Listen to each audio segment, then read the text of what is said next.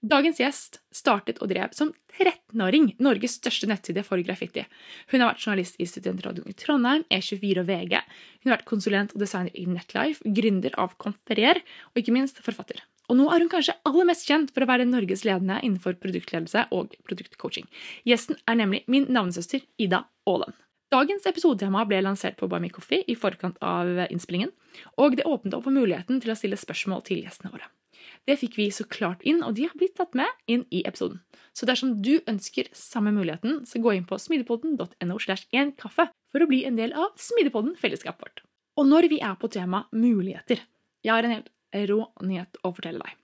Smidepodden feirer snart 100 episoder. Altså 100 episoder. Det skjer den 11. oktober, og vi skal så klart ha livepodkast. Og feiringen vil vi gjøre med deg. Så blokker du kalenderen din og hold øyne og ører åpne, fordi program og påmelding det kommer om ikke så altfor lenge. Men før vi starter dagens episode, så vil jeg benytte anledningen til å takke våre partnere. Våre to hovedpartnere, Capra Consulting, IT-konsulenter med ekspertise i software som elsker å løse komplekse problemer, og Sparebank1 Utvikling, som gir over én million personer, bedrifter og lokalsamfunn over hele landet trygghet, forutsigbarhet og nærhet til økonomien sin gjennom digitale løsninger som begeistrer. Vi vil også takke vår partner Gnist, et av Norges ledende miljø innen teknologiledelse, og din partner til å få Smidig til å fungere i praksis. Så tusen takk for at dere, sammen med Smidepoden-fellesskapet, gjør Smidepoden mulig. Og nå, velkommen til Ida Aaland. Velkommen, rebeller, utfordrere. Dere som driver oss fremover og krever mer. Dere som vil gjøre en forskjell. Skape magiske arbeidsplasser med lykkelige mennesker som skaper produkter som kunden deres elsker. Men 75% av nordmenn føler lite eller ingen engasjement i jobben sin. 94% av ledere sier jo at smidighet og samarbeid er kritiske faktorer for at deres organisasjon skal lykkes. Men kun 6% av dem mener selv at de er smidige. Dette er podden som vil inspirere, gi deg konkrete tips og verktøy som vil hjelpe deg med å skape endringsdyktige organisasjoner med høyt engasjerte og motiverte ansatte som lager uslåelige produkter. Med Ida Kjær, og ved sin side har hun Tobias Falkberger. Nå kjører vi! Velkommen til Smidepodden, Ida. Tusen takk, Ida. Ida, har du lyst til å si noen ord om hvem du er? Ja, I tillegg til Ida, så heter jeg Ida Aalen. Det er jo et veldig generisk navn, Ida. Så det kan jo være hvem som helst, egentlig. Andre Ida jeg kjenner sikkert på det. Hvem er Ida, liksom? Um, nei, um, i dag så kaller jeg meg produktcoach. Har nettopp skrevet ferdig en bok om uh, produktledelse og digital produktutvikling. Og så starta jeg vel karrieren min som interaksjonsdesigner. Det er ikke like vanlig tittel nå, så nå sier man kanskje UX-designer. og sånne ting. Gjorde det i sju år, og så var jeg også med å starte det norske teknologiselskap som het Konfrer. Som uh, lagde noen som ingen ville ha frem til mars 2020. Og så var det slitsomt mange som ville ha det samtidig, og det var et verktøy for videokonsultasjoner. Så der var jeg produktdirektør i fem år før vi solgte selskapet i fjor. Så mye etterpåklokskap. tenker at vi sikkert toucher innom det etter hvert. Det tenker jeg absolutt gjør. Um, men hvis vi bare starter litt sånn um, innledende, da. Kan du si hva er egentlig produktledelse? Ja, ikke sant. Og så prøve å komme opp med en god uh, definisjon på det. Men uh, jeg tror den tingen som sikkert alle som har hørt på Smidigpodden før, har følt på, er at det å uh, lage digitale produkter Det er veldig mange hensyn som skal balanseres. Hvor, liksom, hvor, gjennomførbart er dette? Er det skalerbart? Er det noe måte vi kan forsvare ut ifra strategiene? Hva trenger brukerne våre? Hva er det som lønner seg? Hva, hvilke teknologier har vi tilgjengelig? Hvilke ressurser har vi? Det er utrolig mange ting som må balanseres. Mm. Eh, og så tror jeg etter hvert som eh, digital produktutvikling har økt i kompleksitet, altså har den balansegangen også blitt utrolig mye mer komplisert. Og da er det rett og slett dukket opp en egen yrkesgruppe som har omtrent det som hele sin jobb. er jo egentlig sørge for at den balansegangen kommer ut på en måte som gir mening for den virksomheten du jobber i. Og det tenker jeg egentlig er produktledelse. Og ikke nødvendigvis ha alle svarene, men være den som kan si hvordan vi skal eh, legge balansen. Ja. Hm. Ok. Men um, hvordan har det blitt et fagfelt, da? Åh, hvordan har det blitt et fagfelt? Um, det tror jeg ikke jeg har noe godt svar på.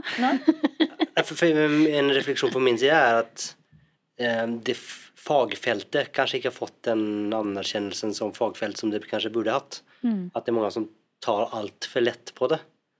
Eh, at man sånn sett bruker veldig mye både tid, energi og penger på å lage ting som ingen vil ha. Og at, liksom at man hadde Hadde man hatt mer fokus her, så hadde man kanskje sluppet undan en hel del slösing då. Ja, og så er det sånn Det er ganske, det er et relativt nytt fagfelt, litt avhengig av hvem du, du spør, liksom. Det er jo folk som liksom sier ja, dette produktet har funnet siden 30-tallet, og jeg tror faktisk egentlig dere har en ganske god episode om det. Man snakker litt mer om historikken. Egentlig mye bedre svar enn en det jeg kan gi på historikken. Eh, sånn sett, Og så er det jo veldig forskjellig fra selskap til selskap hvordan den produktlederrollen har eh, blitt forstått. Men jeg, jeg kan jo si at eh, nå er vi på Smidig-podden, at liksom i en del sånn smidige eh, rammeverk og sånne ting, så snakker man f.eks. om at man skal eh, levere verdi, da. Ikke sant? Det er liksom en sentral forutsetning, det er det vi driver med. Men eh, mange av de rammeverkene sier jo ikke egentlig så veldig mye om eh, hvilken verdi. Verdi for hvem? Eh, hvordan veit vi at det gir verdi? Det er massevis av antakelser og ting der som egentlig ikke liksom er definert i de eh, smidige rammeverkene, og da er det et eller annet hull. For det er liksom bare sånn Nei, det er det Det vet product owner. Vet egentlig product owner det? Hva vet product owner? Det skal ikke liksom dra det ut av ræva si. Hvor kommer det fra, da? Og da er det på en måte eh, det å kunne gi de gode spørsmålene på Eller gi de gode svarene på hva er det egentlig som skaper eh, verdi. Eh, det har på en måte blitt et fagfelt. Og jeg tror veldig mye sånn hva er det som gir verdi, handler da nettopp om den balansegangen. For det er jo ikke det samme som at den eh, ja, produktlederen, da, som vi gjerne en- endte opp med å kalle på norsk istedenfor product manager, kan ikke ha alle de svarene selv, for da antar vi at den personen er allvitende. Og det er ikke den personen. Men uh, man sørger for å skaffe de svarene, da, kanskje. For å si det sånn. Med hjelp av teamet sitt, og andre ganger folk utenfor teamet. Men er ikke det en mindset-skiftning der òg? For at um, Jeg tenker mye produktutvikling, men kanskje mye egentlig mye strategi uh, kan jo også måtte springe fra at man si, i større grad mente ting, eller man valgte å ta en posisjon, eller eh, Og at det var kanskje ikke nødvendigvis basert på at det nødvendigvis var et, et, et hull der, eller en, et behov. Og også det er jo på en måte en, en mindset altså Det er mye enklere å bare si at vi skal gjøre det. Det er mye vanskeligere å si at vi skal gjøre det for at vi vet at det er riktig, for det er noe som trenger det, og det finnes en verdi der, det finnes et business case. Det er jo liksom Kanskje at man liksom på vis på veien her har måtte og Kanskje gjennom digitalisering så er det lettere å eksperimentere og finne ut av ting òg. Før så var det jo måtte Vi må jo bygge en bil, og så får vi se om det er noen som, som kjøper den, men nå kan du i mye større grad teste ting og få feedback mye mye fortere. da. Ja, man kan jo si det som er eh, både med tidlig fase av digitale og før digitalt, og på en måte, ikke sant, det er sikkert det styggeste ordet man kan si i en smidig podkast er jo fossefall, men poenget er at eh, eh, Men eh, det med å planlegge eh, og analysere og gjøre research i forkant, det gir jo veldig mye mening hvis selve produksjonsprosessen er eh, dyr og, og vanskelig. Eh, og komplisert, ikke sant. Og du, du får litt mer sånn én sjanse. Eh, I boka mi så eh, intervjuet jeg blant annet um, Dag Olav Norum, som er eh, daglig leder og gründer i Folio. Men som sånn way back, han jobbet i Opera, nettleseren Opera. Og han kunne jo huske da Opera ble shippa på CD-rom. Ikke sant? Du skal trykke opp en halv million CD-rommer, som er sånn du distribuerer eh, eh, nettleseren din. Da skal du ha ganske mye quality assurance og double-checking og analyse før du er liksom Ja, dette er vi fornøyd med, dette sender vi ut til verden, dette tror vi folk vil ha, da. Og det, det, er, ikke en, det er ikke en dum måte å jobbe på Mm. hvis det er så krevende å få produktet ut uh, til kunden. Og så er det noen ting med nå er det jo mye lettere å få produktet ut til, til kunden, og da må, gir det mening å snu litt på hvordan man jobber. Da. Eh, Men dette er veldig interessant, for vi fikk et eh, spørsmål fra en av lytterne våre bare rett før vi skulle spille denne podkasten. Stort spørsmål, så vi kan ta deler av spørsmålet nå. Og det handler om akkurat dette her med, med research uh, før, og hva slags metode du har for innhenting av data før du begynner utviklingen av et produkt. Eh, hvor hun, eller ja, hun egentlig, hun var, eh, som sendte spørsmålet, hun kjenner på det at ofte så går um, prosessene og metodene til en designer eller UX-er litt på tvern med kanskje typisk det man veldig mange tenker at det er smidig metodikk. Eh, det vil si at man ikke tar seg så veldig god tid i en førfase med å innhente informasjon, analysere osv., men at man heller begynner å progge og få ting ut så fort som mulig. Jeg er ikke nødvendigvis helt enig i det hun opplever, eller det folk sier til henne at det er riktig.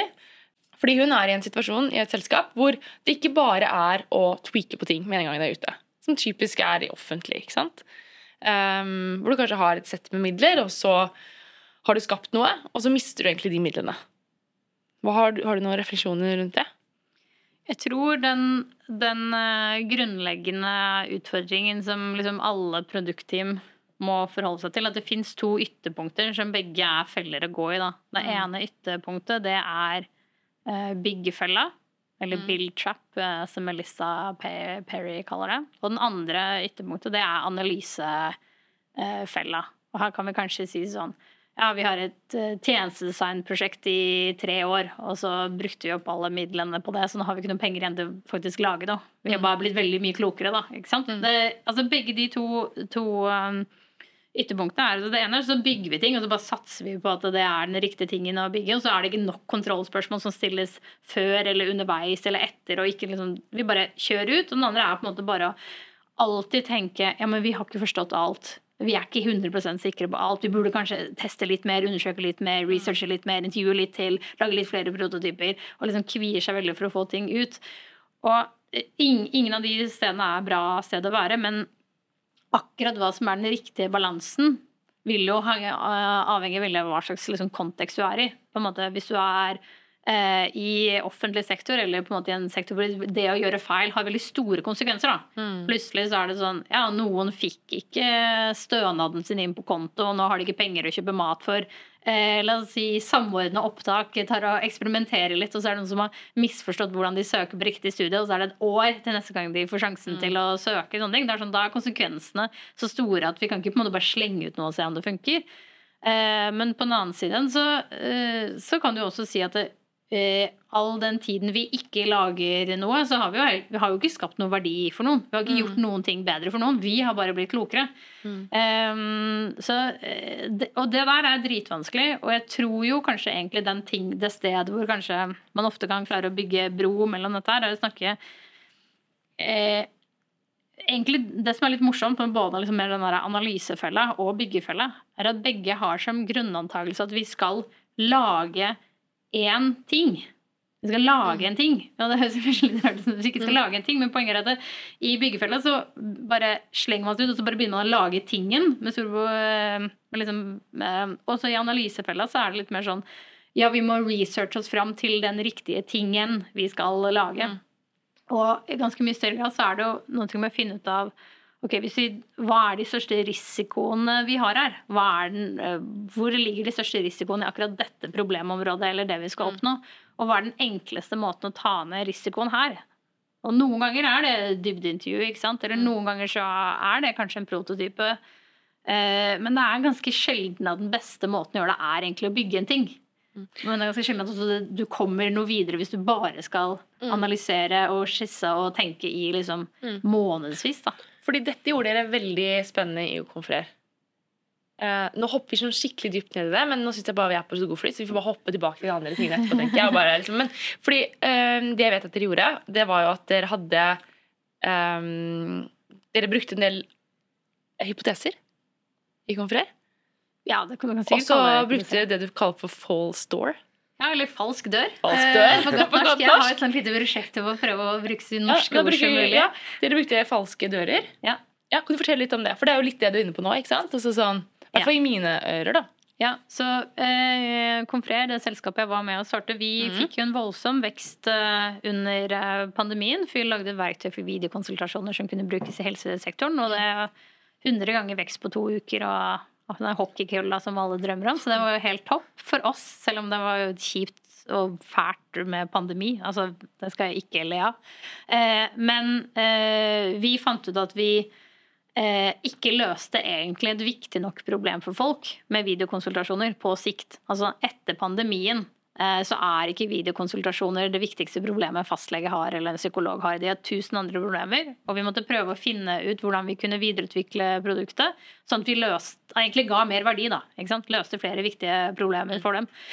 Og eh, ut ifra en sånn eh, liksom mer sånn, Når folk sier som MVP, bare sånn Ja, ok, kanskje noen hadde en idé til å lage noe. La oss bare prøve å lage den tingen og se om eh, brukeren vil ha det. Men du trenger jo ikke lage tingen for å se om brukerne vil ha det. Eh, så isteden så satte vi da opp eh, eh, annonser for ulike produktideer som vi hadde researchet oss fram i. Vi gjorde over 60 dybdeintervjuer med fastleger og psykologer rundt omkring i Europa. Kom opp med syv eh, produktideer som kunne være liksom en naturlig forlengelse av det vi drev med. Og testet på, eh, på med LinkedIn-annonser og med landingssider for å se om det var noe interesse for de produktene. Det var jo ingen interesse for noen av de produktene. Det var et kjempedårlig interesse. Jo, jo, jo, men det er, jo, men, men det er poenget. Vi må le av det. Fordi veldig ofte så har vi dårlige ideer. Ja. Det er ofte dritdårlige ideer, ikke sant? Men du kan være veldig glad at du ikke på et bygg nå. da. Ja, nettopp! Det var jo mye bedre at ikke sant? vi har gjort masse ikke sant? dybdeintervjuer. Vi, vi hadde masse altså, Du kan også si eh, eh, faktisk hvis folk, Det kan hende at folk kan kverulere sånn Det kan hende at produktideene var bra, men at annonsene var dårlige og landingssiden var dårlig. Men altså, det var, det var så svake eh, resultater.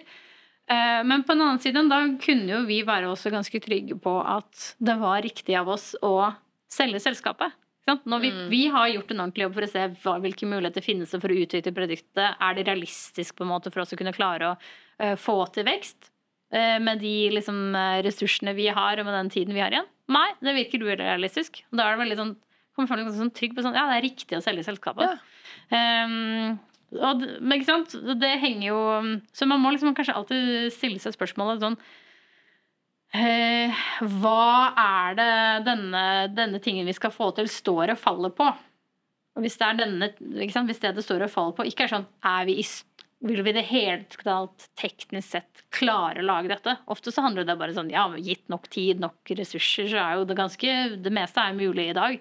Men ofte så ligger jo risikoen en, en annet sted. da. Gir det mening for forretningsmodellen? Eller er det, ikke sant? I offentlig sektor så er det kanskje sånn Er dette løsbart innenfor um, lovverket? Mm. Det er kanskje det første man burde gjøre, er å snakke med en jurist. da. Mm. Høre hva de tenker. Få dem inn tidlig nok, hvis det er der risikoen ligger. da. Mm.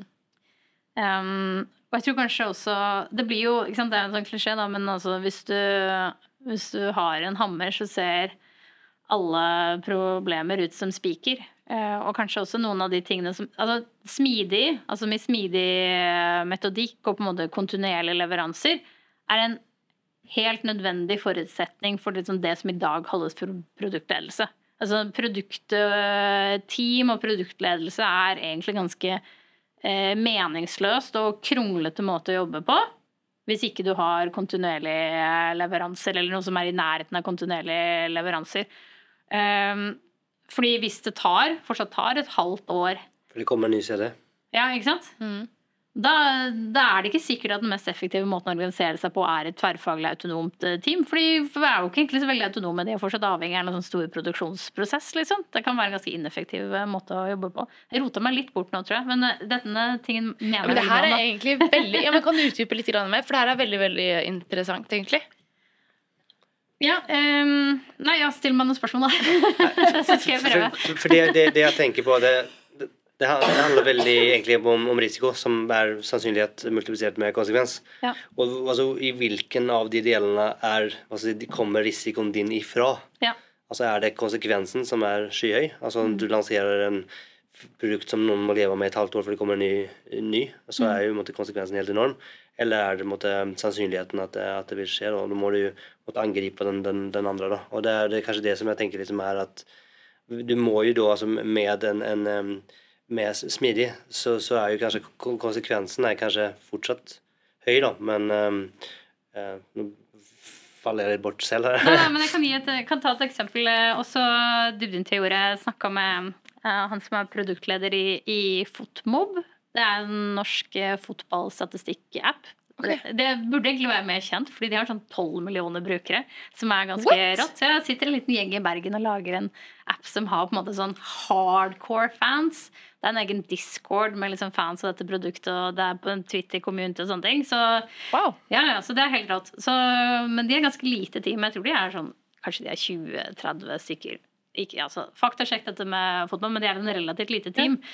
Em, og en eksempel da, som da Kurt som jeg sagt med, fortalt meg, er jo at ok, når noen får en produktidé, så hender det at han bare spør en superbruker.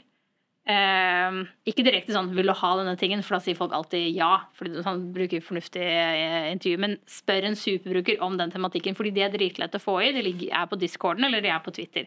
Og da ville man kanskje, jeg som opprinnelig liksom er UX-designer, er det sånn ja, men du kan jo ikke spørre en superbruker, fordi de er ikke representative, og du kan jo ikke stole på det svaret du eh, får da. Og det er helt riktig, men som da også Kurt poengterer, og ellers sånn med produktmetodikk, den enkleste måten testing, hvis ikke engang superbrukeren er interessert i dette, eller gira på dette, hvem kommer til å være interessert da? Ikke sant? Så du kan, sånn, du kan forkaste den hypotesen ganske fort, og noe av de greiene som er med Ofte så blir det å bruke hypoteser og hypotesester sett på typ som en del av liksom produktledelse. Og når man da har lånt det språket fra type liksom vitenskapen og akademia, så er det jo ganske fort at folk også begynner å oppføre seg som om det de skal gjøre, er å publisere et paper i en akademisk tidsskrift som skal være peer-reviewed, og de skal ha 99 konfidens og altså i det hele tatt. Eh, Det som er veldig annerledes med, med eh, produktledelse Altså, det er jo ikke vaksiner vi lager her, eh, stort sett. Ja, men, men det, det, det du litt inne på der, for, for det du vil er jo egentlig bare å komme deg videre. Ikke sant? Du, du vil jo ha en indikasjon på om, om hypotesen din var, måte, er den, er den bekreftet eller avkreftet, og det får deg på en måte å, å, å komme videre. Så det er ikke det at nødvendigvis at du, du må ha Altså, en, en test eller en ting trenger ikke å gi deg hele svaret, Ja. men det hjelper deg å komme videre. Jo, nå skal jeg prøve å få meg selv inn igjen på hva det var jeg skulle si. Jo, det som er veldig viktig når man Fordi is- istedenfor å tenke på hva vi skal bygge, så må vi tenke på hva er antagelsene vi har, eller hva er det som må klaffe for at dette skal funke? Hva er det som må være sant? Og istedenfor å undersøke på en måte den antakelsen på den liksom beste og perfekte måten, så er faktisk det første vi burde gjøre, er å kjøre en test som vi tenker at burde gå bra og som er veldig enkel å gjøre. Et eksempel på en sånn test som burde gå bra, er jo f.eks. hvis denne featuren skal bli en suksess for Fotmob, f.eks., så burde en superbruker være gira. Ikke sant? Altså, og hvis superbrukeren er sånn Nei, det her høres dritkjedelig ut. Så er det ikke egentlig noe vits å bruke noe mer tid på det. Da kan vi gå videre og se, se på noe annet. Og eh, der kommer liksom inn på dette med å tenke på eksperimenter og hypoteser. er at eh, Av og til også så kan man havne i den der byggefella og liksom analysefella, begge deler egentlig, fordi man tenker at man må undersøke ting grundigere enn man egentlig må. Og dette høres antakeligvis veldig ulogisk ut, som jeg skal prøve å, å, å forklare det. Du kan si at eh, hvis vi skal eh, for eksempel eh, finne ut om knappen skal være eh, rød eller blå, så har jo konsekvent Antagelig så er det jo ikke så stor forskjell på den røde og den blå knappen. Altså bare, for det er jo bare fargeforskjell, liksom. Eh, I mange sammenhenger kanskje det ikke er noen forskjell i, i det hele tatt. Eh, det viktigste er i hvert fall at vi ikke på en måte lanserer noen ting som gjør at salget blir dårligere eller et eller annet. Og det er jo en beslutning med en mye lavere risiko enn hvis man f.eks. skal lage en vaksine. Når du skal lage en ny vaksine, så har du 99,9% konfidens. Du skal være 100% sikker på at du ikke gjør noen syk. Men eh, eh, du kan si eh, Og derfor så ofte når folk har lært seg å gjøre eksperimenter og lærer som statistisk signifikans osv., så, videre, så lærer de at de skal bruke 99% konfidensintervall. Men det trenger du ofte ikke i produktutvikling. Ofte så når folk hører at ja, dette er eh, eksperimenter, så tenker de at eh, når noen sier ja, dette er statistisk signifikant, så tenker de dette er sant. Men 99 eh, å si at noen ting er statistisk signifikant For det første så kan du ikke si det uten å si konfidensintervallet. Du må si dette er statistisk eh, signifikant innenfor et 99% konfidensintervall. Og det du egentlig da bare sier, er sånn Det er 99% sannsynlig at resultatene eh, ikke er tilfeldige. Mm. Eller det er 1 sannsynlig at resultatene er eh, tilfeldige. Og hvis du tenker på veldig mange av eh, beslutningene vi egentlig tar, trenger vi å være 99% sikker på alle beslutningene vi tar? Eller er det noen ganger det holder å være 80% sikker, for eksempel? Eller 70% sikker? Eller 60% sikker? I valgene i livet vårt så kjøper, gjør vi jo kjempestore beslutninger hele tiden uten at vi er 99% sikre på om det ene er bedre enn det andre. Bare tenk på liksom, kjøp leilighet, liksom. Er du sånn 99,9 sikker på at dette var den beste leiligheten i hele Oslo?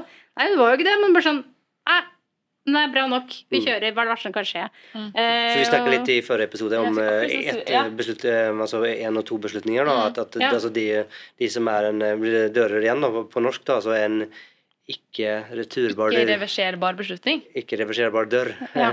Som en beslutning altså du går igjennom, og så kan du ikke snu. Eh, Du burde kanskje Det er bruke 99 det er kanskje, 99,9. er kanskje lurt å en Ikke sant? bruke litt tid på å se at den beslutningen er riktig, men hvis du kan bare ja, bytte farge på den knappen, eller fjerne knappen og rygge ut av det, så burde du egentlig bare ta de så fort som mulig. da. Og egentlig, og egentlig bare bli god på å ta beslutninger fort. da. Og det er jo da du kanskje bare trenger å høre med superbrukeren. For Eh, å starte den hypotese. Ja, ja, for å si sånn, ja, kanskje vi må, ok, her kan det være noe. Da kanskje du vil gjøre dybdeintervju med ti stykker, ikke sant? Og så ser du basert på det, sånn, ok, ja, da kanskje vi burde prøve å se om vi skal kjøre en falsk dør, for en falsk dør er ofte mer, det kan være litt krevende det også. Ok, da kanskje skal vi se, ok, hva, altså det er jo masse ting du burde gjøre før du i det hele tatt lager en MVP, som folk sier, fordi at det, det å lage en MVP er i, bare fordi at produktutvikling er blitt mer komplekst og sammensatt, er jo mye mer krevende i dag også. Og det tror jeg er ganske sånn Fordi hele den derre build, measure, learn, da, eh, som er en sånn derre frase, er jo et ganske dårlig råd i dag, egentlig. Den gjør jo som antakelse at for å lære, så må du bygge. Mm. Jeg er ikke sikker at du må bygge noen ting som helst. Og bare en tanke på liksom hvor, hvor mye komplisert det er å bygge enn det var for uh, noen år siden. Altså da jeg var uh, Faktisk første Da jeg var 13 år, så drev jeg Norges største graffitinettsted. Jeg var, jeg var på IRC, hvis noen husker det, og fikk liksom eh, avtalt å eh, få bilder som, så dra ned på eh, Jernbanetorget og få sånn konvolutt med bildene, og så måtte jeg dra til en kompis som hadde skanner og skanne de og laste opp bildene med FTB-server og sånne ting. Men jeg, du kan jo si, det digitale produktet, Norges største graffitiportal, Hotpaint som det het, jeg var jo alt. Jeg var designer, jeg var webredaktør, jeg var backend-utvikler og frontend-utvikler og content creator og hele pakka. Jeg kunne gjøre alt. Ikke sant? Det var veldig mye enklere. Og jeg kan si i 2015 så hadde jeg også skrevet en bok, det var en sosiale medier. Da, var, da lagde, gjorde jeg design og fronten på den bokbestillingssiden. Og så fikk jeg hjelp av noen til å gjøre backen. Da Da var vi to stykker som kunne gjøre det. Men nå tenker jeg jo, ikke sant? hvis jeg skal selge boka nå, så tenker jeg ah, jeg må jo nesten kunne la folk eh, betale med VIPS, for eksempel. Da. Ikke sant? Jeg kan ikke sette meg og lage en VIPS-integrasjon med min nettside, da må jeg ha en eller annen plug-in eller et eller annet sånt. Da, sånn, ja, ok, men da må jeg velge en eller annen plattform da, som har den plug-in. Så den kompleksiteten i det å lage dig- de- digitale produkter er for, Forventningene øker, da. Ikke sant? Og da er det mye vanskeligere. Og da eh, er det å bygge er mye mer big deal enn det var da Frøsen 'build, measure, learn' eh, ble etablert. Eh, så er det noen purister som skulle ønske at alt bare var sånn ting var så enkle at det bare er å skrive HTML og CSS, og jeg har sånn forståelse for det, men da får du ikke vips i kassa. Er liksom så, du får ikke vips i kassa. Men uh, bare en liten avsporing nå. Hvor skal man gå hvis man har lyst til å se Ida Aalens kunst under en bro? Uh, Internet Archive. Det er godt. Jeg, jeg, jeg, men jeg var utbrent i høst, og da var jeg faktisk og malte en piece på Lilleborgbanen. Ja. Hvis folk vet hvor det er, på Torshov. Men det ble malt over med en gang, for det er, det er sånn lovlig vegg. Jeg er, jeg, jeg er blitt veldig lovlydig med, med årene, altså. Det var bra. Men jeg var under kriminell og lavalder at the time, da, så Ikke jeg, sant? Ja. Nei, uff. Det, det, det er vel preskribert òg, kanskje. Jeg vet ikke. Ja. All right. Men hvis vi bare spoler litt grann, eh, tilbake Mm. Um, produktledelse er jo noe som er blitt eh, ganske stort i noen miljøer, kanskje spesielt utenfor Norge. Og så begynner det å vokse opp ganske mye i Norge. Men uh, Tobias og jeg snakket en del om det før denne episoden her, at i Norge så ligger vi liksom litt grann bakpå, syns vi det virker om, innenfor produktledelse. Um, hva er dine refleksjoner rundt det? Hvordan har vi liksom havnet der? Har du noe ja, tanker? Sånn generelt så tenker jeg at egentlig Norge er ikke egentlig bakpå når det gjelder sånn digital produktutvikling generelt. For du kan Mm. tenke, vi er jo et eh, ekstremt eh, digitalt samfunn. Bare liksom sammenlignet med typ liksom eh, Tyskland, da. Mm. Så er det noen helt vanlige mennesker som bare er liksom ansatte og får lønn. Har eh, skatterådgivere som hjelper dem med selvangivelsen. Fordi det er så vanskelig å fylle i selvangivelsen, og det er masse papir, og det er veldig komplisert. ikke sant? Mens hva, de fleste av oss har jo vi bare Ja, nei, den ble sendt inn. Og hvis du går inn, så er det å trykke på en knapp. Liksom, fordi noen har jobbet med digital produktutvikling, egentlig, i skatteetaten i årevis. Så på mange måter så vil jeg egentlig si at vi ligger jo langt framme der. Og tanken av at liksom, ting kan gjøres enkelt digitalt og liksom, egentlig ganske sånn tverrfaglig tilnærming. Fordi, Og det tror jeg er fordi at i Norge så er man eh, litt ganske høy tillit.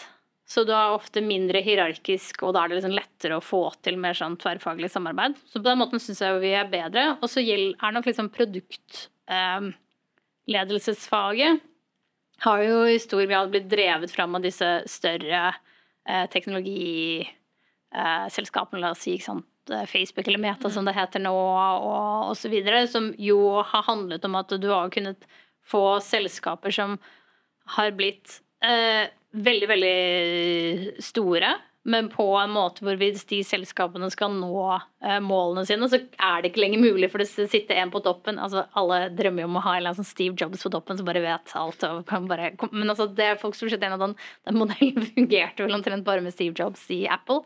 Eh, og da har du på en måte rett og slett måttet gi mer ansvar for resultatene eh, lenger ned. Og når da selskapene jo havner på børs og skal rapportere på tall, så blir det mer fokus på liksom forretningsbiten, så mens det før kanskje var sånn ok, som en sånn smidig tankegang.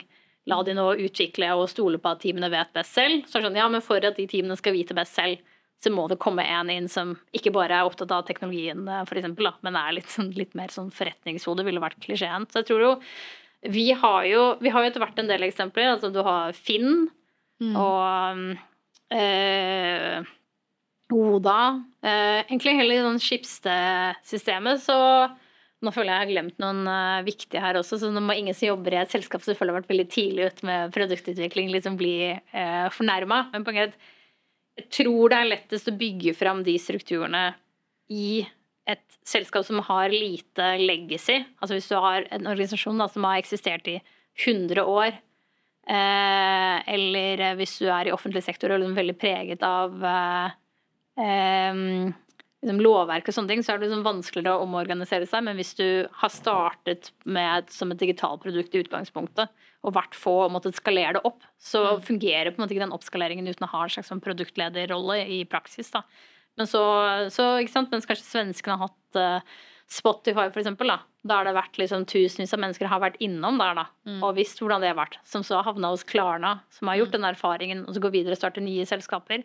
Eh, Så vi har kanskje liksom vært senere ute sånn sett med å ha liksom sånn de store tekst, internasjonale tekstselskapene. Har vi vel ikke noe eksempler på i Norge. Da ble jeg veldig flau hvis jeg glemte det. Men Ola har jo prøvd å gå internasjonalt, og det har de jo måttet reversere. Um, så de har jo droppet ut av Tyskland og Finland. Så det er, jeg tror liksom er, Og så er vi et veldig lite land, da. Jeg syns vi overpresterer, jeg, sånn uh, ut ifra størrelsen vår. Det er liksom For sånn Island jeg- kom til EM, liksom. Det er jo det, alle ble jo veldig imponert over det. Men jeg, jeg tenker at man har i, altså, i Smidig har jo hatt en fordel, tenker jeg, i Norge da, for som altså, høy grad av tillit, la, små lave hierarkier, forholdsvis små selskaper. Alltså, det, det, det har vært en fordel, mens kanskje amer, selskaper har jo mer Alltså det er på børs, det er forretnings, det er mye mer måtte, effektfokusert, da, om man kan kalle det det. Ja. Og der kommer kanskje måtte, altså Jeg tror Smidig har hatt en fordel i Norge, mens man kanskje måte, produktutvikling eller produktledelse kan ha hatt en fordel i USA, for der kommer det Det er mer naturlig å tenke verdi, verdiskapning, effekt, mens det liksom ikke, ligger ikke like nær, nært i den si, norske skandinaviske kulturen. Da. Eh, og sånn sett så er det liksom ikke at Derfor så Vi er kanskje mer opptatt av at folk har det bra, enn at de leverer verdi. Hvis du setter det litt på spissen. Ja. Ja. Ja, for det, det tror jeg eh, Hva var det Fordi hadde ikke du, Ida, eh, du sendte en e-post eh, en påstand om smidig versus produkt, eller var det Tobias kanskje som hadde skrevet det? Ja, jeg skrev den påstanden, vet du. Jeg skrev Hvis smidig handler om lykkelige mennesker, så handler produktledelse om lykkelige kunder? Spørsmålstegn. Har vi en kulturell utfordring i Norge fordi vi er så opptatt av at alle ansatte skal ha det bra på jobb, så vi glemmer eller, eller ignorerer produktet kunden fordi vi tror at det å jobbe for å levere noe som noen vil ha, verken er nødvendig fra et overøvelsesperspektiv, eller at vi ikke tør å pushe ansatte slik det kanskje trengs i andre land. Jeg syns Det. Jeg synes det var veldig, fordi jeg tenkte sånn Oi, her blir det debatt. For dette er ikke jeg enig i det hele tatt. Eller jeg ble så, jeg ble så når jeg fikk den uh, påstanden. Men den ene tingen jeg tenker sånn i utgangspunktet, er jo at uh, hvis man tenker sånn Det aller første punktet i det smidige manifestet er jo omtrent formulering. Jeg tror det er sånn Vår høyeste prioritet er å levere verdi til kunden. Mm. Jeg tenker sånn Utgangspunktet så handler jo smidig om egentlig kunden. Og verdi til kunden. Sånn hvis du går liksom tilbake til arven. Ja, men, Ja, men, men det å oppleve at jeg har blitt litt, altså, mista litt på veien, da. Ja. Det må Ja. dere fortelle meg, for Ja, dere kan mye mer enn det enn meg. Så jeg vil gjerne er høre om det. Du kan godt si at du er blitt mistet på veien, men jeg, jeg, jeg, min personlige oppfatning er at man har løftet fokuset mer fra kun å handle om kunden til å handle om mennesker generelt. Ikke kun om kunden, men også om ansatte. Mm. Så det har blitt et bredere fokus, som kanskje gjør at man i noen tilfeller føler at det kanskje blir mer visket ut. Mm. Eller at man mister det. Mm. Gir det mening? Ja, og jeg, jeg vil jo anta at det som har skjedd her, er jo altså med Nå kan du jo omtrent ikke se på liksom, logoen til LinkedIn-appen uten at det, du får en liksom postum psykologisk trygghet i trynet. For det er liksom tydeligvis alles eh, nye favorittbestord, er psykologisk eh, trygghet. Eh, og det eh, psykologisk trygghet mener jeg jo er helt avgjørende. Eh, altså, eller leste Til de som ikke har gått til originalkilden og lest eh, The Fearless eh, Organization, og som også får litt sånn makk av sånn veldig bare sånn buzzord-varianten av psy- psykologisk trygghet, så er liksom den The Fearless Organization av Amy Edmundsen er veldig bra. Handler veldig mye om sånn forskningsgrunnlag og sånn for hvorfor psykologisk trygghet er blitt et, et buzzord. Og den handler jo nettopp om ikke sant, Som vi var inne Vi har snakket om, er jo at det, å lage gode produkter eh, er jo helt avhengig av en avveining mellom masse ulike hensyn og det å ta ned risiko. Og du klarer ikke å gjøre den avveiningen eller identifisere de risikoene hvis noen sitter og veit at hm, dette er kanskje ikke så lurt, eller hva hvis sånn, og de ikke tør å si det. Så kommer man jo til å drite seg ut, og man kommer ikke til å eh, ta de beste eh, valgene. Men jeg tror jo ikke det er noen motsetning mellom at folk har det bra på jobben, og at de må gjøre ting som er vanskelig, liksom. Eller å ha, ha en retning. Og det, det poenget gjør egentlig litt sånn, sånn Amy Edmundsen, da. Du kan jo si Hun har jo um, Hun lager sånn aksje, hvis du kan se for deg at du har um, høy grad av trygghet.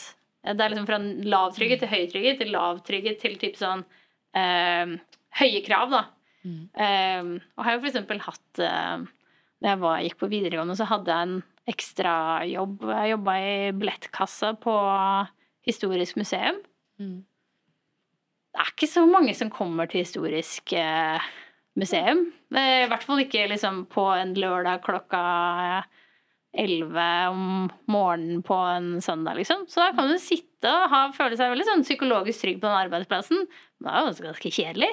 Skjer jo ingenting. Eller så kan du på en måte jobbe et sted eh, Men er det psykologisk trygghet? jo, jo, men, jo, men så lenge du, du Poenget er at eh, psykologisk eh, Psykologisk trygghet er ikke det samme som at det ikke skal være vanskelig eller krevende å, ha høye krav. Fordi for eksempel i Konfrer, eh, når vi hadde 100 ganger vekst, og jeg ble utbrent, så ble ikke jeg utbrent fordi jeg ikke hadde psykologisk trygghet. For det hadde, jeg- hadde bare helt sykt mye å gjøre. Og antagelig så holdt jeg ut lenger pga. den psykologiske tryggheten jeg ellers hadde gjort. Da med å jobbe så sinnssyke arbeidsuker som jeg gjorde så jeg gjorde da, og jeg tror jo også på en måte Men den merkeligste varianten føler jeg av en sånn type sånn Folk skal ha det bra på jobben, og målene er ikke så viktige, er jo sånn når folk bare er sånn Ja, hva er viktig for dere? For meg er det rart når jeg hører litt sånn gjenfordelingen, at det liksom bare er teamene selv som skal bestemme alt. Men det, det, det er jeg litt inne på, for det der jeg tror at det er kanskje en, Ja. misforståelsen som vi egentlig refererer litt Jeg til. tror, ja, men for å, ja, men for å komme tilbake hit, så tror jeg at du først må gå innom Gjøre ferdig hele biten om psykologisk trygghet. Ja. Ja. Fordi at hele Poenget er at hvis du har høy grad av psykologisk trygghet og høy grad av eh, Høy grad av eh, forventninger, Ja. så havner du øverst i den høyre kvadranten, Ja. hvor du former og har det bra. Ja. Ikke sant? Eh, og det er jo der du skal være eh, for at du skal kunne klare å ha autonome team. Ja. Ikke sant? Ja. Så det er jo den du må på en måte klare å connecte. Fordi Og som du sier, det er ikke en motsetning. Det er jo en måte, du trenger begge deler. Ja, og jeg tror jo ofte at, eh, at egentlig folk kommer til å ha det bedre hvis det er høyere forventninger. Mm. Altså fordi de, med, jeg tenker sånn folk eh, Jeg tror egentlig dit jeg egentlig skulle, er at eh, en hyggelig arbeidsplass er ikke det samme som en arbeidsplass som på en måte føles meningsfull eller givende nødvendigvis. Altså hyggelig som i koselig. Mm. Og alle er snille og søte og greie og fine mennesker. Men hvis det er sånn, hvis vi egentlig alle sammen føler litt sånn Spiller noen rolle om vi kommer på jobb? Altså, det er sykt koselig lunsj, men er det noen som hadde merka om jeg kom på jobb i morgen eller ikke? Hadde skjedd noe? Og det er jo Det tror jeg de fleste mennesker syns er ganske kjipt, da. Og jeg tror ikke man skulle være redd for å sånn sett stake ut eh, tydeligere retninger og tydeligere ambisjoner, men det er jo en helt annen jeg tror mye mer på den norske måten å gjøre det på enn en sånn, typ sånn amerikansk Hvis vi ikke når dette målet, så får dere alle sparken. Mm. Men kan jeg si, i, i um, Confrere også, så eh, Når vi hadde eh, ett år igjen med penger, så fortalte vi alle de ansatte det. Mm. Ikke sant? Og det, da, og det var min tanke. sånn, Ok, det, jeg tror det gir større på en måte trygghet at vi, folk veit det. At ikke vi de plutselig om et halvt år får vite at vi har visst at vi kommer til å gå tom for penger, og så har vi ikke sagt noen ting. liksom. Behandler folk som voksne mennesker. Men det var jo ganske krevende for folk også. For sånn, oi, Hver eneste måned så veit du at det mindre, at det, ja, det, blir mindre og mindre penger igjen. Og Mm. arbeidsplassen min har på en måte en timeline som holder på å gå, å gå ut. Men da blir det litt sånn, det gir jo også kontekst for ok, hvorfor må vi virkelig Mm. skjerpe oss nå? Det er fordi det står noe på spill her. da. Selskapet vårt kan gå konk det i teorien om, om et år, hvis ikke vi, vi, vi gir Mm. Men det det er beste vi har. det der sense of urgencyen som ikke er um, Det er jo ikke en sense of urgency de fleste organisasjoner i Norge opplever, Nei, det er kan man vel si. Nei, det er sant. Den er ganske unik. Mm. På godt tror, og vondt. men det er ganske mange jeg har truffet, eh, stusset over, stusser over eh, beslutningen å liksom fortelle de ansatte om at det er sånn det står, det står til. Mm. Og da tenker jeg at da eh, Jeg tenker vi skal behandle folk som jobber i seg som de er voksne Ja, så mennesker. handler det om å gi åpenhet og tillit til de ansatte også, om at de klarer å forvalte den kunnskapen på en god måte, som er Ja. til det beste interessen også for selskapet. Ja. Og det reflekterer også direkte på dere som ledere, da, hvilke beslutninger de da velger å ta som ansatte. Ja, ikke sant? Nettopp. At uh, hvis du, du Og det er jo skummelt som leder. Ja. Det er jo mye, det er jo mye skumlere å skulle måtte fortelle folk sånn Ja, nå har vi tre måneder igjen med penger. det er mye bedre Og det å har vi, si det. ja, det har vi visst i ni må- det har vi visst i ni måneder. Vi vet dere har barn og lån og Ja. Vi trodde det skulle gå bra. Hæ? Vi trodde det skulle gå bra. Hva da? Og, Og ikke fortelle. Ja. Å ja. å ja. Ja, ja, ja. Jeg skjønner. Jeg Ok, men, men hvis, vi, hvis vi ser litt på hvordan et um, Hvordan ser egentlig et produktteam ut? Jeg tenker at et um, produktteam uh, burde settes sammen slik at uh, disse sammen har forutsetningene for å få øye på de viktigste antagelsene Mm. som preger det de jobber med. For du var litt innom tverrfaglighet tidligere. Ja. Uh, Jeg kan, fordi, det mener men de setter sammen fordi eh, det viktigste antakelsene er å si, La oss si f.eks. deler av offentlig sektor. Kanskje det faktisk burde være en jurist på teamet. Mm. Fordi det er antakelser som kommer opp hele tiden som handler om det. Da burde det være en jurist her. Mens i andre sammenhenger så kan vi si Jeg tror jo de, eh, de fleste eh, Hvis du har et eh, team som jobber eh, med eh, et plattformteam, da, så, så er det ikke sikkert at du trenger en visuell designer på det teamet. At det ikke er det viktigste. Men er også, kan det sikkert være bra å gjøre, ha noen på teamet som er god på innsiktsarbeid, f.eks. Det er bare at dette dessverre har blitt litt sånn eh, slått sammen til én Omtrent at visuell design og det å gjøre brukerintervjuer er det samme fagdisiplin. Det er jo ikke det samme i det hele tatt. Um, sånn at eh, det er ikke Men stort sett så er det jo en god idé å ha en produktleder.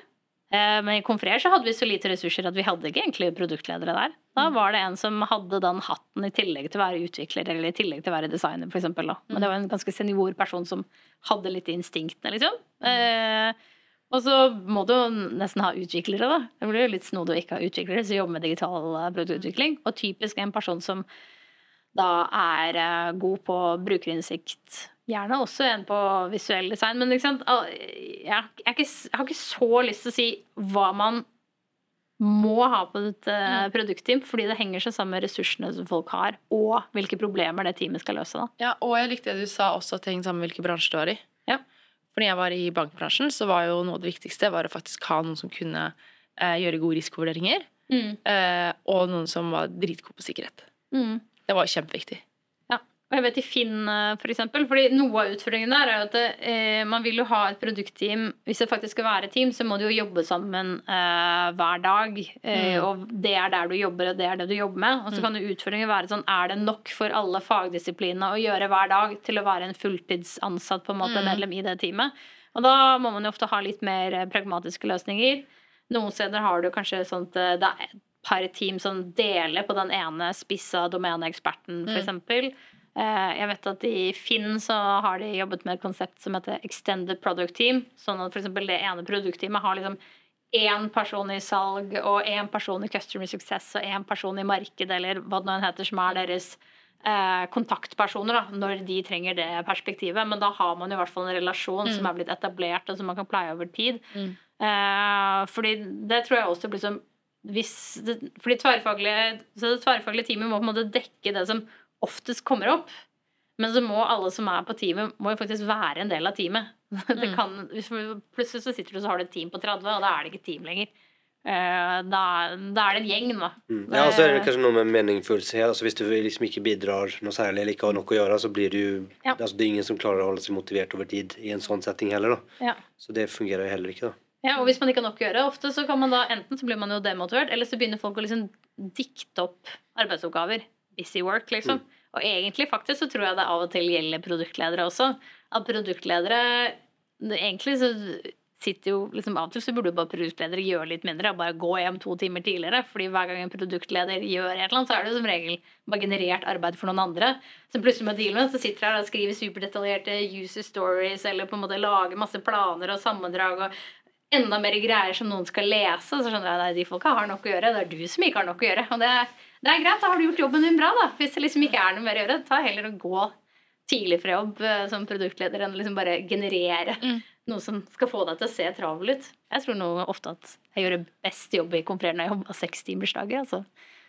Ja, men ja, det er veldig det er jeg syns det er gode, um, Men vi er er jo gode refleksjoner, altså. Ja, Men vi er jo veldig trent i Altså, vi jobber tid. Vi jobber ikke effekt. Eh, Så du jobber den tiden du skal jobbe, så ikke når du er altså, så at, eh, Det er få steder du kan gå hjem klokka etter seks timer med god samvittighet. på en måte. Det er i hvert fall noen som kommer og å snett på det, sikkert. Ja. Så det er jo liksom en ja, Ja. bøy der òg. Um, litt tilbake til det ryttespørsmålet jeg fikk inn. Der fikk jeg et spesifikt spørsmål rundt eh, designdisiplinens plass i produktteamet. Og konflikt mellom produktleder og designer. Og når designer så snakker man her om UX-er, interaksjonsdesigner, produktdesigner, tjenestedesigner. Ja. Um, og liksom litt rundt fordeling mellom designer og produkteierens rolle. Har du Mm. noen refleksjoner der? Ja, jeg tror jo um, Først så ender jeg opp med å zoome ut, da. Men en del ganger uh, når det er liksom gnisninger mellom fagdisiplinene på den måten, så har man jo ofte Og det henger jo sammen med psykologisk trygghet også, men da har man ofte en tendens til å tenke på uh, at de fagdisiplinene liksom er eh, representanter, eller nesten lobbyister, for sitt eh, fag og for sin interesse. Og så skal disse lobbyistene kjempe det ut i teamet, og så kommer det en vinner ut. Så noen ganger så vant produktlederen, og så tapte designeren. Eller denne gangen så vant utviklerne. Å nei, men kanskje vi vinner neste serie. eh, Neste seier, liksom. Og hvis det er liksom dynamikken som er i teamet, at man opplever de man er i teamet som motstandere som eh, må beseires, så blir det jo veldig slitsomt å gå på jobb, da. Sant? Og man blir ikke egentlig så veldig gode på å ta beslutninger, fordi at eh, man har jo ikke lyst til egentlig å være så raus og på tilbudssiden og begynne på kom- kompromisset, for plutselig hvis du har strukket deg litt, så bare tar den andre liksom, motstanderen din og bare ja, ok, men da er liksom kompromisset midt mellom det du sa nå og det jeg vil. Da, ikke sant? Og da har du på en måte gitt fra deg for mye. Og da blir folk veldig sånn steile i, i, de, i de forhandlingene. Og eh, det som er mye lettere sagt enn gjort, da, men idealet er jo at du må komme til et eller annet måte hvor det er felles beslutningsprosesser. ikke sant? At man veier igjen de ulike hensynene. Denne designeren har antageligvis eh, skjønt et eller annet som produktlederen ikke har skjønt. Og produktlederen har kanskje skjønt et eller annet som eh, designeren ikke har skjønt. Ofte så handler det om f.eks. ulike oppfatninger av hvor risikoen ligger. ikke sant? Eh, designeren er kanskje redd for at vi skal slenge ut en eller annen MVP eh, som bommer, og at vi aldri kommer til å få tiden og ressursene til å forbedre det. ikke sant? Og da føles det tryggere å gjøre researchen up front. Mens kanskje produktlederen er mer redd- for risikoen for at vi bare sitter og analyserer og analyserer, og aldri kommer til å faktisk få levert noen ting ut. da. Og det er liksom snakke litt mer om sånn, ok, men hva er det som stresser deg, og hva er det som stresser meg? Eh, hva er en måte du kunne blitt mindre stressa for det, eller jeg kunne blitt mindre stressa for det, istedenfor liksom hvem har rett? Hvem er det som bestemmer dette? Hvem er det som eier dette? Men så bør det selvfølgelig være sånn at eh, ikke sant? Hvis man snakker om teknisk kompleksitet, så skjønner alle at eh, da må vi legge mer vekt på det utvikleren sier om at dette er vanskelig. på en måte. Eh, hvis det gjelder sånn Ja, men er det hvordan møter dette liksom, det brukernes behov? Da burde du jo lytte mest til den som er mest trent til å snakke med brukere og gjøre dybdeintervjuer osv. Og, og de tingene. Eh, så er det ikke sånn at jeg mener at sånn, alle, alles meninger er like mye verdt. Fordi alle, alles meninger er egentlig ikke like mye verdt hvis det blir faglig nok spørsmål. Men alle må, bør egentlig til slutt liksom bli enige. Eh, og det man vet, er jo at hvis beslutningsprosessene oppfattes som redelige og rettferdige, så kan de fleste mennesker egentlig innfinne seg helt fint med at de på en måte ikke fikk gjennomslag eller sin vilje, så lenge du forstår beslutningsprosessen og hvorfor konklusjonen ble som den ble. Ja, det var ikke det jeg håpet på, men jeg skjønner hvorfor du kom til den konklusjonen. ikke sant? Eh, og det er jo dit man på en måte eh, må komme, da. Men som igjen, ikke sant? og da kommer det psykologisk trygghet igjen. da, ikke sant? Fordi hvordan kan du stole på beslutningsprosessen hvis du ikke føler deg trygg, eller ikke stoler på de, på de Mm. andre, da. Um, ja. Det var kanskje ikke svar på det du spurte om, men hva var det hun spurte om? En gang til, hva var spørsmålet? Eh, Spørsmålet var egentlig designdisiplinens plass i produktteam og Ja. konflikt mellom produktleder og designer. Konflikten har du egentlig adressert litt, har vi snakket Ja. litt om. Eh, Men hva med designdisiplinens plass, da? Ja. Og det vet, eh, fordi vi, Marius Røstad tok initiativ til å gjøre en spørreundersøkelse om produkt i Norge. Og ganske mange av eh, de som er, kaller seg produktledere i Norge i dag, har eh, fagdisiplin, eh, altså bakgrunn fra f.eks. Eh, prosjektledelse, IT, business, markedsføring, Mm. altså de type fagene. Og det er jo ikke egentlig fagdisipliner som liksom, verken fra studiet eller fra det de har jobbet med tidlig, har særlig erfaring med kvalitativ innsikt. Det er ikke deres styrke. ikke sant? Eh, og som kanskje ofte, dessverre, eh, ikke har nok eh, respekt da, for verdien av kvalitativ innsikt. Da kommer det en eller annen gjøk og sier sånn Ja, men det er ikke statistisk signifikant at du har snakket med fem personer. Og det er bare sånn Hei, men det, det, det, er, har, det er ikke sånn det funker, på en måte. Eh, hvis du har snakket med fem personer, og vi har intervjuet dem i tråd med god intervjuskikk, så vet vi at ok, disse problemene eksisterer. Vi vet ikke noen ting om eller hvor mange som har disse problemene. Da må vi kombinere det med andre datakilder, men vi vet at de finnes. For det, det har vi avdekket på en ordentlig måte, og det gir en det gir jo mye de kvalitative metodene gir jo mye bedre svar på hvorfor-spørsmål og hvordan-spørsmål. Du finner ikke det inne i Google Analytics eller Amplitude eller sånne ting. Da finner du bare tall. Du bare ser masse ting folk gjør, og du aner jo ingenting om hvorfor. Så hvis man skal skjønne hvorfor folk gjør eh, ting, så trenger man de kvalitative metodene. Men det er jo ikke det samme som å være god i kvalitet Det er jo masse designere også som er ræva på kvalitativ metode. Kvalitativ metode er jo dritvanskelig. Eh, Jeg har vært ganske ræva på det sjæl, skjønner jeg, etter hvert som jeg har lært meg det selv. Jeg tenker jo bare sånn på, på Confrere, så gikk vi, reiste vi landet rundt og snakket med folk om videokonsultasjoner, liksom. Jeg fikk og intervjuet dem om behovene rundt det. Men da snakker vi om den tingen vi er opptatt av, selv om vi stiller åpne spørsmål og ikke stiller ja-nei-spørsmål. Og så blir man liksom blind for hvor Ja, got 99 problems av videokonsultasjoner. Er ikke en eneste av dem, liksom, hvis du er fastlege. Eh, Så der eh, Ja. Men jeg tror eh, Og så er det jo også Jo, en annen ting som jeg tror er viktig, og da tenker jeg mer sånn på visuell design, for det syns jeg også er en ting som er litt interessant, det er at eh, nettopp den derre UX-disiplinen og tjenestedesign-disiplinen. Altså jeg kommer med fra UX-siden. Ofte liksom Jeg nesten får inntrykk av å ha fått litt sånn høyere rang enn visuell eh, design eller UI-design. Det er liksom bare sånn Ja, det er noe greier inni Figma. Eh, vi designere sikkert bare inni Figma. Men sånn, den jobben som gjøres inni Figma, er dritviktig. Og egentlig også hvis man tenker på eh, når, man, når en utvikler for eksempel, sitter og tenker på kompleksiteten av en oppgave og så, videre, så er det jo så mange ganger jeg har sett at hvis du setter den utvikleren sammen med en veldig dyktig visuell designer, eh, og en som, som, da også har et brukerperspektiv, så viser det ofte at å ja, nei, vi trenger, du trenger ikke å bygge det. Liksom. Det kan vi designe, kan vi designe oss rundt. Eh, det kan vi løse med liksom, denne, dette ikonet og denne teksten, og, og, så vi skaper denne brukeropplevelsen. Eh, fordi utviklere kanskje av og til tar ting mer eh, bokstavelig, da. Mm. Så ofte kan du jo spare ganske mye utviklingstid også på at designere er tettere på, da. Men da må jo da designerne og utviklerne sitte og jobbe yeah. sammen, da. Jeg har, kanskje skal jeg ta et eksempel? Ja. Kjør på. Eh, det er, et, det er et enkelt eksempel, da. Men uh, da vi uh, hadde konfrer, så var det mange av fastlegene som ønsket å ha åpningstider, for de opplevde at det dukket opp pasienter når de ikke skulle ha konsultasjoner. Og da fikk de sånn varsler om at det var en pasient i venterommet. Og det føles veldig stressende for fastlegen, for plutselig så dukker det opp en eller pasient liksom, som har funnet lenken og er der klokka 11 om kvelden på en fredag. Og sånn, jeg skal ikke ha pasienter nå. Jeg må ha åpningstider. Mm. Da snakket jeg med teknologisjefen og da vi må lage åpningstider. Sånn, nei, det skal vi ikke gjøre. Liksom, det er altfor komplisert. Så, men, okay, men hvor vanskelig kan det være? Sånn, så begynner han å forklare meg kompleksiteten i, i åpnings... Altså, kalender er dritvanskelig. Du har tidssoner, hvordan skal mm. inputen være? Eh, har du hørt om skuddår? Eh, hva, liksom, hva, hvis legene og pasienten er i ulike tidssoner, hvordan dealer du med det? Hva hvis det er unntak, hva hvis det er ferie? Liksom.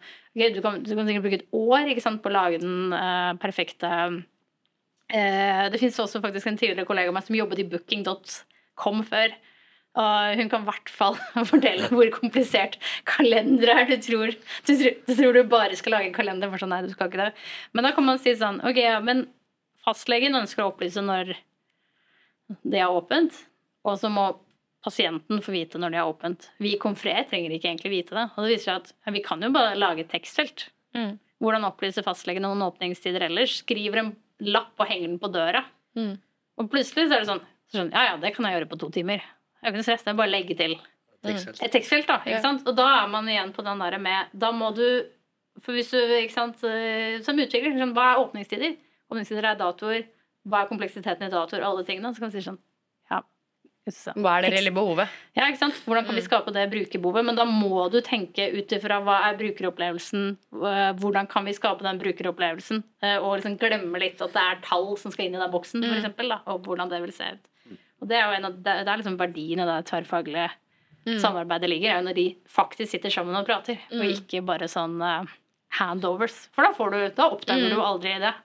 Eller hvis en eller annen produktleder sitter og skriver mm. bare en user story, ja, bla, bla, bla, ikke sånn, åpningstider, som får den ticketen går til en eller annen utvikler som bare sånn ja, ja, da får jeg sitte og begynne å liksom, Og så kommer den stakkars designeren som skal prøve å liksom, designe det år, liksom, tidssone, input og ferieunntak og sånne ting. Så har du et to år langt prosjekt da, for å lage åpningstider. Ja. ja. Du bare kan ha en setning. Jeg tenker mye eh, Man kan lett tenke i hvert fall, eller tolke som at med prosjektledelse at du blir veldig egentlig operativ. Mm. Og du, du løser måte, små ting og små problemer hele veien. Um, men så liksom, jeg har lyst til å høre litt om liksom, hvordan produkt, kanskje roadmap, eh, strategi altså, mm. Hvordan henger det sammen, og hvordan skal du kunne jobbe med det i en mer smidig, moderne verden? da? Mm. Ja, så Det som er blitt, eh, det vet vi fra den spørreundersøkelsen som Marius Røstad har gjort, og også ut ifra de dybdeintervjuene jeg har gjort, er at det er ganske mange etter som har gått over til å ha sånn um, veikart hvor man både går bort fra egentlig å detaljere både på tid og hva man egentlig skal lage. Så sånn, Hva er et veikart uten tid, og som ikke sier hva man skal lage? Sånn, hva er vitsen, hva er det for noe? Men da bruker man nå, neste, senere. Man sier, sånn, beskriver liksom nå, eh, det er det vi jobber med nå, liksom. Og neste er sånn med en gang vi er ferdig med det her, så er det dette vi skal begynne på, det som ligger i neste. Og da har du egentlig tatt, gjort det viktigste egentlig forventningsstyringen overfor andre avdelinger og andre team. Også, også teamet selv trenger ikke å lure på hva, vi er ferdig, hva skal vi gjøre nå? Det ligger i neste. Det er bare å forsyne seg og begynne å jobbe med det. Og senere er egentlig en sånn svær bøtte med ting som vi har tenkt på, som vi tror kan gi verdi, og som er der. Men så underveis så kommer man jo til å lære ting. ikke sant? Så hva som er, kommer til å være naturlig å dra fra senere kolonnen og inn i neste, det kan jo påvirke seg hele tiden. Så det er den ene, ikke sant. Fordi alle, alle vet jo at uh, jeg tror alle som hører på denne podkasten, vet at estimater De holder jo aldri. Ikke engang hvis du ganger det med pi, så holder, holder estimater, liksom. Så sånne roadbus med festet i tid er jo stort sett um, laget for at du bare må dra ting bortover og forskyve ting, liksom. Det er det de er laget for. Og det andre er jo å være mer konkret, og, og der har vi jo liksom fått hjelp fra alt mulig sånn OKR, eh, buzzord når folk snakker om outcomes, det er jo at det, Istedenfor å være da så konkret på Hvis man snakker om hva vi gjør lenger fram i tid, enten at det som ligger fram i tid, er et eller annet uh, mål man ønsker å nå, en eller annen sånn brukerverdi, eller et eller annet brukerproblem man ønsker å låse, løse, eller en eller annen sånn KPI man ønsker å forbedre, det skal vi jobbe med i det kvartalet, da. Så er det det brukerbehovet vi skal jobbe med, istedenfor å si vi skal shippe den og den uh, tingen. Mm. Uh, men behovet for å, å feste ting til um, være konkret på hva man skal gjøre, og tidfeste ikke sant? Kommer igjen, Her kommer jeg sånn på den ene siden på den andre siden. Henger jo sammen med kontekst. da. For eksempel jeg snakker med en som heter Mariell, som er produktområdeleder i eh, tilgang eh, til barnehage. Så er det sånn, ja, Hvis vi ikke får shippa de greiene før barnehageopptaket, så har vi jo på en måte kasta bort et år. Altså det, er, det, er en ganske hard deadline for å få den tingen ut for at den faktisk skal gi verdi. Mm. For det er jo bare barnehageopptak en gang i året. Da må den tingen ut. Da må du være hard på deadlines hvis ting skal rekkes. Eller for å si um, Også snakket med Espen Sundve, som er produktdirektør i Oda, at når de f.eks. skal bygge et nytt De skulle bygge Oda nettbutikken til å fungere på finsk og tysk også, eller i Finland og Tyskland. Ja, du vet jo hva du skal lage. Du skal lage den samme tingen en gang til. Mm. Det er ikke noe sånn Hvordan skal vi løse problemet med hva folk eh, skal spise til middag? Det er bare sånn Lag oppskriftsmodulen på så det funker på, i Tyskland, liksom. Ja. Er ikke, ikke Hvordan skal handlevogna se ut? Ja, det er ikke sånn hva er det som funker? Gjør det. Og da gir det mening igjen. Da. Så jeg er jo jeg er litt sånn bekymret for at eller bekymret eh, At den derre produkttankegangen nå har blitt så hypa at eh, plutselig skal alt behandles som at alle problemer er ukjente problemer, og alle løsninger er ukjente. Og da blir det en veldig dyr og ineffektiv måte å jobbe på. Hvis man ikke av og til bare kan si sånn Ok, men vi, vi veit hva problemet er, eller vi veit er løsningen. Vi veit godt nok hva problemet er, godt nok hva løsningen La oss bare gjøre det først, liksom. Eh, sånn at vi nettopp kan ha tid til å liksom utforske de veldig hårete problemene som er vanskelig å løse og vanskelig å komme med gode løsninger. Men vi kan ikke liksom behandle alt som at vi driver med liksom grunnforskning og ingen vet noen ting. Og... Her kan vi kanskje trekke dette med type 1 og 2 beslutninger over til problem. da. Ja. Er det, ikke sant? Apropos type 1 og type 2 beslutninger. Ja. Jeg er så irritert på den metaforen at de snakker om dører som går én vei og to veier. Og det er bare sånn, det er, jo, det er jo ingen dører som er sånn, kanskje på flyplasser, da. Men liksom, når vi treffer noen, Det er så merkelig metafor. Ja. Så jeg har forslag isteden. Forskjellen på å hoppe utfor et stup ja. og gå på fjelltur. Det er litt brutalt, kanskje? Ja, men det må jo være Hoppe utfor stup er jo liksom, Du kan jo ha fallskjerm. Da, Kanskje hoppe utfor stup med eller uten strikk. Jeg vil si at eh, ja, men du har, du har hoppet for stup. Du hopper utfor La oss si eh, enten at du Jo, men ikke sant, det er det sånn, Hvis du skal hoppe utfor stup, så må du være sikker. Da er det enten fordi du skjønner ja. ok, men dette er 15-meteren, jeg kan hoppe 15-meteren, det går bra, det. Jeg hoppa fra 12-meteren før og 10-meteren før, liksom. Mm. Eller jeg har fallskjerm, og den er dobbeltsikra. Mm. Liksom. Hvis du skal hoppe utfor stup, så må du være sikker på hva du gjør.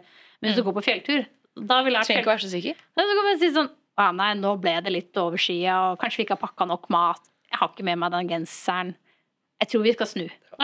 Vi gikk og så hvordan det gikk, og så fant vi ut nei, vi må gå tilbake. Dette blir for heftig. Kanskje vi skal komme tilbake en annen dag. Det er jo det det handler om. Ja. Hvis, skal du hoppe i fallskjerm, eller skal du bare gå fjelltur? Ja. Og hvis mm. på en måte beslutningene føles som at som om å hoppe utfor et stup, ja. så må man jo tenke litt på ok, hva, hvordan, kan, hvordan kan vi gjøre dette mer, litt mer til en fjelltur? Kan vi ta en liten dagstur og sjekke ut terrenget først, liksom? Er den eneste måten å komme seg videre er å liksom bare hoppe utfor stupet? Ja. Og det er jo da dette behovet kommer for at all researchen må gjøres Ja, up front, er jo fordi det føles som å hoppe utfor et stup. Ja. Mest sannsynlig så er det jo ikke det. Det fins sikkert en eller annen sånn Sikkert vei du kan snirkle deg rundt bak. Ja. Kanskje det var en litt sånn bratt geitetråkk eller noe sånt. Ja, men drar langt inn i metaforen, men disse her dørene Jeg har irritert meg om de dørene, for de er sånn Eller kanskje bare er en helt eh, vanlig tur til Gaza-toppen, liksom. Det syns jeg er skummelt nok. Her på toppen her er ganske, ganske helt ute på Det er toppen her. faktisk ganske spicy, altså. Det er ganske sånn um, Ja. Jeg måtte holde meg fast, altså. Jeg ble ganske svimmel oppå toppen der. Du Det har, jo, du har jo fortsatt uh, ikke tatt rennet som du har lovet at du skal ta. Jeg har aldri lovet at jeg skal kjøre rennene der. Ja. Jeg har kjørt én renne der, og det holder. Men det avbrøt deg, Tobias. Det var bare fordi jeg kom på dette med en gang enveisdører og toveisdører. Jeg vet ikke helt hva jeg skulle si, men uh, for så vidt enig. Men det er Gardermoen er vel det eneste jeg har noe liksom, forhold til enveisdører. da. Ja. Uh, Flyplass og Det lukkes bak deg, ikke Ja. åpnes igjen. Men eh, nei. Ja. Så vi hopper egentlig kanskje videre. Ok, Hva vil du fortalt, fortalt 20 år gamle deg selv, Ida? Er det graffiti i det? Eh, nei, det, hun hun var var betraktelig yngre. Altså. Hun var under kriminell lavalder. Ja. Ja, jeg tror at uh, Jeg ville sagt til 20 år gamle meg at eh, eh, det er ikke så farlig å føle seg dum. Eh, og så har jeg sagt at hvis du føler deg sint, så er du mest sannsynlig bare lei deg. Så jeg, jeg var veldig Jeg var ganske, prøvde, var ganske sånn tøff i trynet da jeg var yngre og prøvde å tøffe meg veldig. Og så var jeg egentlig bare en sånn sårbar liten drittunge som var veldig lei meg. Og så prøvde jeg liksom ha en sånn hard fasade og tøffe meg. Jeg tenkte jeg fikk det mye bedre etter at jeg droppa den harde fasaden. Så jeg tror jeg ville prøvd å liksom gi 20 år meg sånn Det er lov å si at man bare er lei seg, altså. Ja, Trenger ikke være så tøff i trynet. det er et godt råd. Eh, Hva tenker du kjennetegner en god leder? En god leder. Jeg tror eh, gode ledere må tørre å ta vanskelige beslutninger. Eh, man må man må tørre å ta upopulære beslutninger, men så må man også være i stand til å forklare hvorfor man tar de beslutningene. Eh, fordi harde beslutninger er dritt for folk hvis de ikke skjønner hvorfor du gjør som du gjør. Det tror jeg. Så det ligger masse empati i det, men av og til så må du ha empatien til å bare sette strek også, ikke la ting holde på Mm. i all evighet, liksom. Jeg er egentlig veldig enig. Hvilke råd vil du gi til de som ønsker å bli bedre på produktledelse? Eh, jeg tror at eh, du må huske på å tilpasse alle mulige råd, inklusiv de som kommer fra meg, eh, til den konteksten du er i. Jeg vil si at liksom, Hovedpoenget med produktledelse er jo egentlig at det ikke finnes en oppskrift. At du må liksom tilpasse hva du gjør, avhengig av situasjonen du er i. Hva er risikoen der du er? Hva er ressursene du uh, har? Uh, så utvis litt sånn uh, kritisk sans, og ikke vær redd for å tilpasse ting du finner, og mikke og makke det. Da gjør du det riktig, da, tenker jeg. Hvis du ikke følger oppskriften, men tilpasser den dine behov, da gjør du det riktig. Mm. Ikke tenk at det finnes en riktig måte å gjøre produktledelse på som noen andre har skjønt, og du ikke har skjønt. Veldig enig i den. Veldig smidig råd, da. Ja, veldig. veldig. Men ja, jeg er helt enig. Um, jeg tenker Neste her den blir litt sånn todelt. Uh, så del, eh, del nummer én er jo Har du noen uh, bøker, lydbøker, podkast du ønsker å anbefale? Og så del nummer to er jo boken din. Der kommer den, og hvordan får man tak i den? da? Ja, eh, jeg er veldig glad i Continuous Discovery Habits av Teresa Torres. Eh, den er veldig konkret og eh, matnyttig for et produktteam, og hvordan forholde seg nettopp til det. Sånn, okay, Hva er antakelser, hvordan kan vi identifisere dem, hvordan kan vi undersøke dem, osv. Den, den, jeg, den er liksom også innsiktsbasert. Eh, Jeg har lært masse av den. Jeg tror det er den produktboka jeg har lært eh, mest av. Det er ganske vanlig folk anbefaler den der Inspired av Marty Kagan, men jeg føler det passer liksom litt bedre til ledere som eh, får sjefen din til å skjønne greia, Mm. men den sier ikke så veldig mye om hvordan skal du gjøre det. Og Therese Torres sin bok er sånn 'slik gjør du det'. Og så igjen tilpass. Tilpass din setting. Det er ikke sikkert alt hun skriver, funker for deg. Nå har du et utgangspunkt som du kan tilpasse. Eh, Podkaster, hvis man liksom Det er jo alle med ganger er sånne megaselskaper som er liksom amerikanske og store og sånne ting, så blir det jo litt fremmed for oss. Men uh, podkasten til Lenny, som jeg tror faktisk bare heter Lennys podkast, uh, han har masse intervjuer med ulike folk i selskaper som du har hørt om og kjenner til. Om det er Slack eller Spotify, eller hvordan de tenker. Og det som er litt sunt med den også, å høre på den, er at selv alle disse folka høyt oppe i systemet har jo helt ulikt syn på hvordan man gjør dette her, og hva som er riktig måte. Alle har sin tilnærming. Eh, så den, den uh, syns jeg er ganske gøy. Eh, vi har jo også en norsk en, bortsett fra at den er på engelsk. Det er jo Product Club. Det er vel det nærmeste vi har en norsk uh, oss. Mm. alle episodene er veldig bra, men de er ikke like produktive som dere. så jeg vil si da får Product Club litt inspirasjon til å ha episoder litt oftere. Mm. Um, det var ja. Og det andre spørsmålet var boka mi, var det ja. sånn? Mm. Ja, yes. man kan gå inn på bedreprodukter.no. Mm. Så kan man eh, bestille den. Jeg burde sikkert yes. lage en sånn rabattkode til Smidigpodden eller noe sånt. ting Kanskje. Skal mm. gjøre det, så kan dere legge det i episodebeskrivelsen. Uh, jeg vet ikke når denne podkasten kommer ut. På onsdag? Å ja, er det så kort tid til? Ja ja. Bra jeg har brukt den siste uka på å prøve å skjønne hvordan i helvete de innstillingene på Shopify funker. Eh, siste uka da. Ref at ting blir liksom mer komplisert med alderen. Og håpe at liksom Vips har godkjent uh, søknaden min om å bli bedrift som kan selge via Vips og sånn innen onsdag. Nei da. Eh, så boka kommer i oktober. Men det er jo igjen, som vi snakket om i stad, med liksom CD-rommer, eh, en mm. halv million CD-rommer og sånne ting, så er det jo overraskende lang prosess å produsere en bok. Ja. Så jeg skrev jo ferdig manus 14. juli. Og da er jo ikke boka ute før i oktober. For da skal du ha masse kvalitetssikring og design og sats og produksjon og frakt og meg hit Kunne jo bare lagt den på Amazon. Da har de sånn print to demand. Ja. Fungerer kanskje ikke så bra på Norge, da. Kanskje ikke. Spennende. Ja. ja uansett. Spennende. Men det som er fint med sånn skrive fysisk bok, er at man da må man zoome litt ut mm. eh, og tenke at det du skriver, skal tåle tidens tann. Ja. Jeg blir flau hvis jeg leser dette om fem år. Så man må liksom tvinge seg til å bli litt mer prinsipiell, og ikke så liksom detaljert, ja. detaljert på liksom det som er de aller største buzzordene akkurat nå. Så det er egentlig ganske ja. deilig med å skrive, liksom prøve å skrive for sånn fremtids-jeg, og liksom ha det kritiske blikket på det man gjør. Ja. Kult. Vi legger inn linker og en kode. Det gjør vi. Og man kan jo si det at uh, vi har vært så heldige at vi har fått sett disposisjonen til boka, og det ser i hvert fall veldig spennende ut. Ja. Det var mye mye der jeg tenkte ah, det hadde vært gøy å høre litt mer om. Ja. Uh, ja. Men uh, hvis man vil komme i kontakt med Ida, hva gjør man da, da? Eh, det, det, er jo kjempemorsomt at da er det lett å si ja, finn meg på LinkedIn. Hvem ville trodd det? Det kan vi jo kanskje takke Elon Musk for, da. Og det er det stedet hvor det føles mer naturlig å, å bli kontaktet. Eh, og så er det jo eh, det fins en, Hvis man er nysgjerrig på dette fagmiljøet, så er det jo en veldig bra Slack som heter produktleder.no. Ehm, der går det an å finne meg. Mm. Det er sikkert de enkleste mm. måten å finne meg. Mm. Eller sende en e-post, da. Det er jo litt old school. Men den, den så, jeg har så dumt navn med så mange a-er i at den må du heller finne i episodebeskrivelsen. Ingen som klarer jeg kan, jeg kan linke til den, ikke sant? Ja. ja. Det blir mange a-er her. Ja. Ja. Idalen.no. ja, men good. Så med det, Ida. Så tusen takk. Tusen takk for invitasjonen. Dette er jo veldig terapeutisk for meg etter å holde på med greiene her. i. Jeg er jo drittlei det temaet, egentlig. Men så er det liksom når man snakker med andre for noen spørsmål, så kommer man på at å ja, men jeg syns jo egentlig det er ganske gøy. Når det ikke bare sitter meg selv med liksom keyboardet. Så det er veldig Tusen takk. Så bra. Det var veldig bra for meg. Så bra. Yes. Strålende.